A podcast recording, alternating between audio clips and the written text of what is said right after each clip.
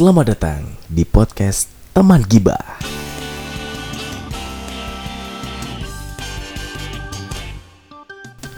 Perkenalkan nama gue Tidar dan podcast ini memang tujuan gue untuk mengeluarkan unek-unek atau sudut pandang atau opini gue tentang apa pun ya daripada gue biasanya biasanya gue mengeluarkan unek-unek itu kalau nggak di Twitter di WA Story ya puas sih cuma mungkin kayaknya ini uh, media terbaik untuk gue mengeluarkan unek-unek atau tentang gibahan gue sendiri gitu ya.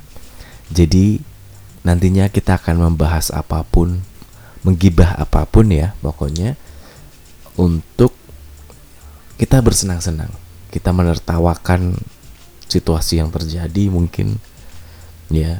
Dan untuk episode pertama ini ini hanya perkenalan aja. Ya gue tidar. Dulu gue sempat bikin podcast juga. Zamannya SoundCloud ya. Zamannya SoundCloud gue bikin podcast yang namanya uh, Tibo FM bertambah menjadi tiga orang. Nah namanya jadi teman bercandamu. Itu zaman podcast tuh tahun berapa? 2000 berapa? Tiga tiga belasan kalau nggak salah. Tiga belas empat belas deh. Ya gue gue juga masih di radio saat itu nah sekarang mereka teman-teman gue yang dulu bikin podcast bareng sudah pada sibuk dengan dunianya masing-masing ya sudah akhirnya gue bikin sendiri aja yang bernama teman kibah. Ya untuk episode kali ini gue mau cerita bahwa uh, gue sudah menikah dan gue sudah punya anak perempuan umur sekarang mau 4 tahun ya. Anak perempuan gue ini namanya Lasira Sanum Gania. Bisa dipanggil Sanum. Kadang kalau gue lagi jengkel manggil Lasira. uh, tapi lebih seringnya gue manggil dia kakak gitu. Nah, si Sanom ini dia itu punya keistimewaan dia bisa melihat makhluk yang tak kasat mata ya sebenarnya sih gue nggak mau cerita horor ya cuma gue ingin perkenalan aja gitu bahwa anak gue itu punya keistimewaan untuk bisa melihat uh, manusia yang tak kasat mata. Oke. Okay? nah awalnya itu kita nggak nyangka kalau Sanom itu bisa bisa merasakan adanya makhluk yang tak kasat mata terus bertambah dengan usianya dia dia bisa menjadi eh, dia bisa melihat eh, sosok-sosok uh, yang menyeramkan gitu ya. Bermula gini. Waktu umur Sanum masih tiga bulan atau empat bulan gitu ya di daerah rumah gue kan perkampungan gitu ya lagi ada renovasi makam. Nah lagi ada renovasi makam yang di mana ini nih para penunggu makam yang tak kasat mata ini ternyata itu mereka singgah di garasi rumah gue. Karena memang rumah gue sama makam ini nggak jauh cuma ya 100 meteran itulah nah makanya uh, itu pun gue dikasih tahu sama orang yang bisa melihat bahwa ternyata di rumah gue di garasi gue itu berkumpul lah itu para para penunggu makam. Karena makamnya lagi direnovasi mungkin uh, dia nyari tempat yang nyaman gitu ya. Di garasi coba ya kan? Nah waktu umur Sanom 4 bulan eh, 3 atau 4 bulan gue lupa.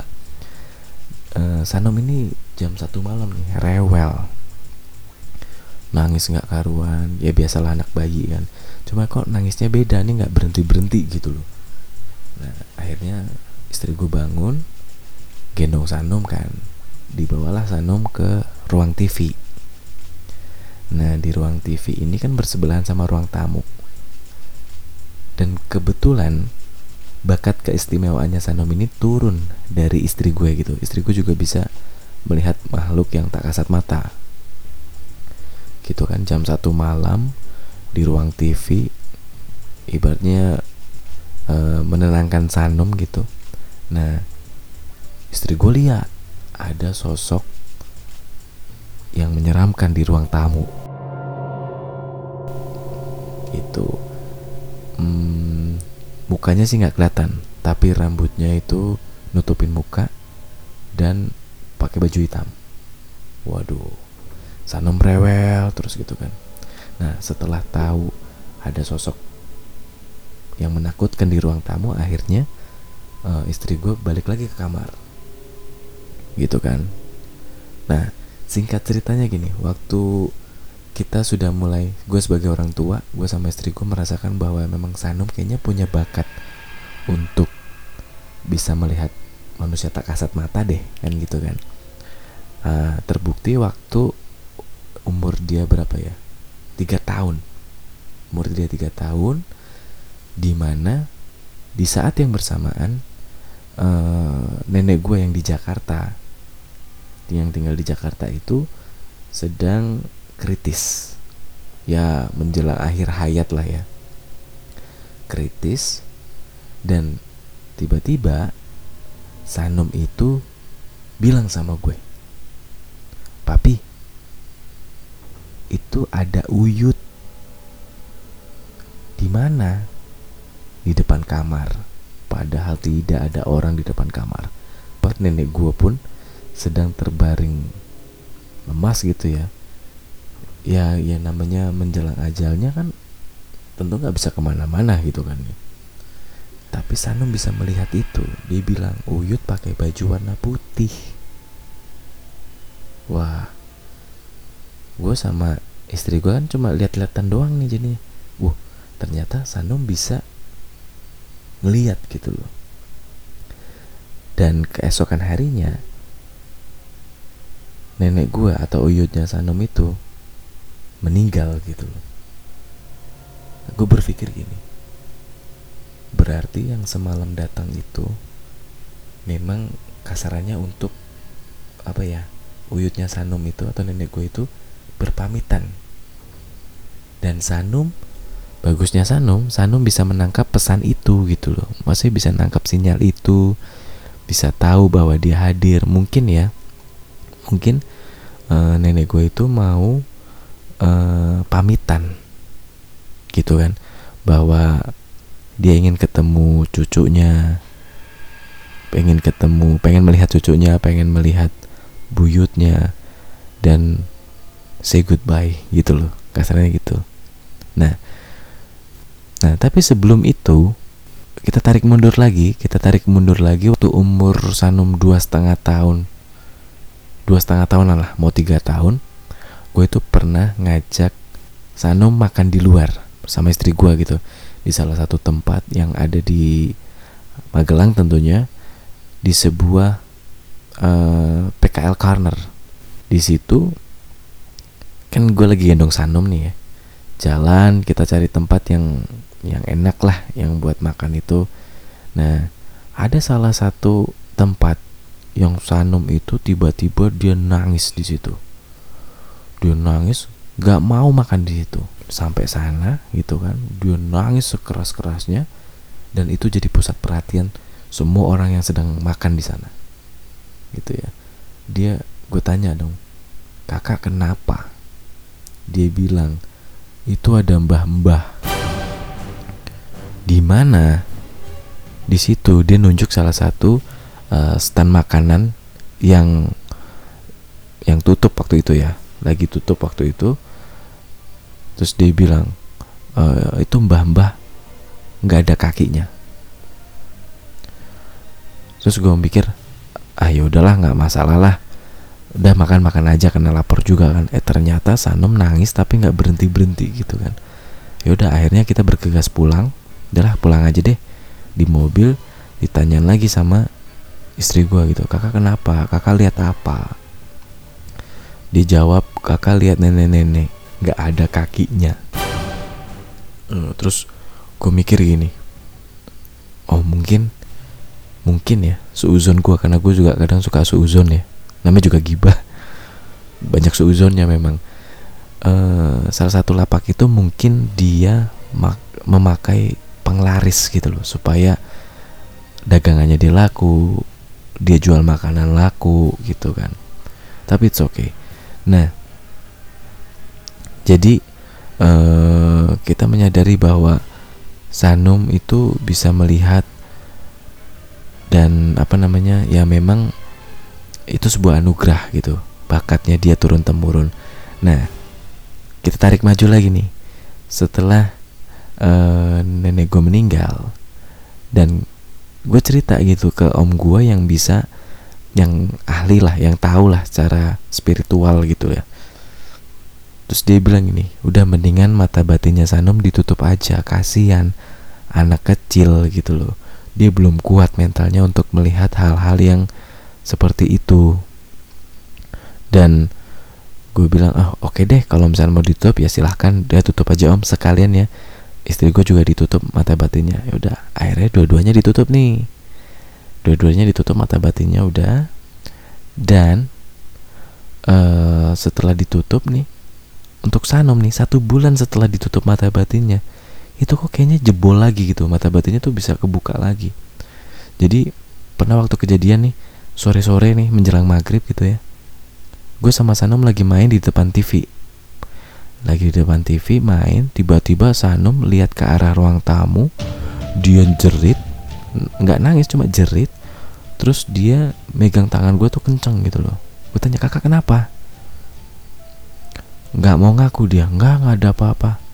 Tapi raut wajahnya ketakutan megang tangan gue kenceng banget tiba-tiba dia ngelirik ke arah ruang tamu. Dia jerit dia nangis saat itu. Ya kan? Tapi dia masih nggak mau ngaku kalau dia tuh melihat sesuatu gitu kan. Oke di hari ketiga baru dia mau ngaku. Jadi tuh kalau misalnya dia mau keluar tuh dia nggak berani lewat ruang tamu gitu loh. Pasti dia lewat pintu belakang terus baru keluar. Nah dia kalau misalnya lihat ruang tamu tuh kayak orang ngintip-ngintip gitu loh. Kayak takut uh, dia tiba-tiba di depan mukanya itu dung gitu kan. Atau kayak kayak kayak inilah kayak kita takut dikejar-kejar utang orang yang lagi utang tuh ngintip-ngintip kayak gitu gitu kan ya. Nah di hari ketiga tuh baru dia baru ngomong dia ketakutan lagi kan. Terus dia bilang itu di situ tuh ada ada ada apa namanya mbah-mbah. Ya dia tidak menyebutkan uh, itu kakek-kakek atau nenek-nenek. Karena dia lihat mbah-mbah dia mungkin nggak tahu ya uh, jenis kelaminnya apa. Karena karena mungkin mukanya nggak kelihatan jelas gitu. Nah akhirnya sama bokap mertua ya bokap mertua juga diceritain seperti itu takut dia untuk lewat ruang tamu. Nah akhirnya dipanggil lah ke temannya dia yang paranormal dipanggil datang ke rumah diusir lah itu makhluk itu.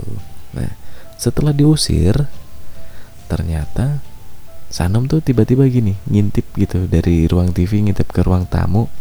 Terus dia bilang oh udah nggak ada. Baru dia berani keluar lewat ruang tamu. Jadi apa ya? Ya memang bakatnya Sanom menurutku tuh istimewa gitu ya. Nggak semua orang bisa untuk melihat nah yang tak kasat mata gitu. Nah tapi terus akhirnya gue bilang lagi sama om gue om kenapa Sanom kok bisa lihat setan lagi ya? Maksudnya bisa lihat sosok yang tak kasat mata gitu. Terus om gue jawab ayo udah nggak apa-apa berarti memang itu bakat. Dan mungkin Sanom hanya bisa melihat makhluk uh, yang yang auranya negatif gitu loh.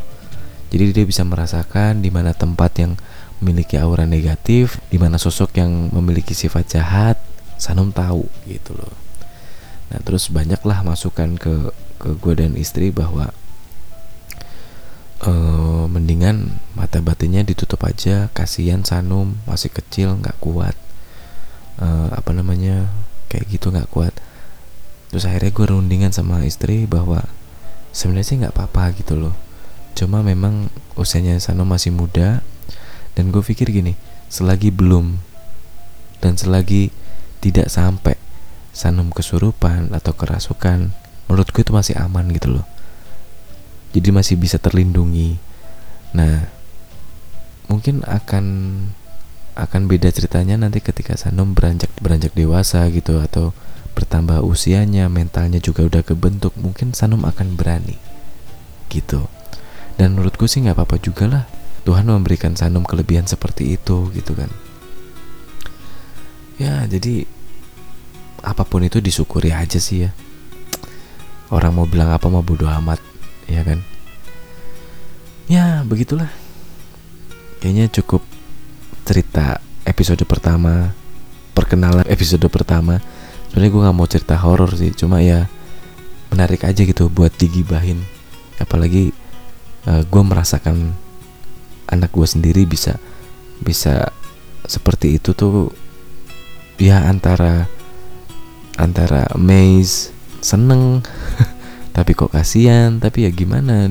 Setidaknya tuh ada ada bakat yang tidak di uh, Sano memiliki bakat yang nggak umum gitu untuk di keluarga gue sendiri ya. Karena gue nggak bisa ngelihat hal-hal yang begitu tapi istri gue bisa Sanum bisa.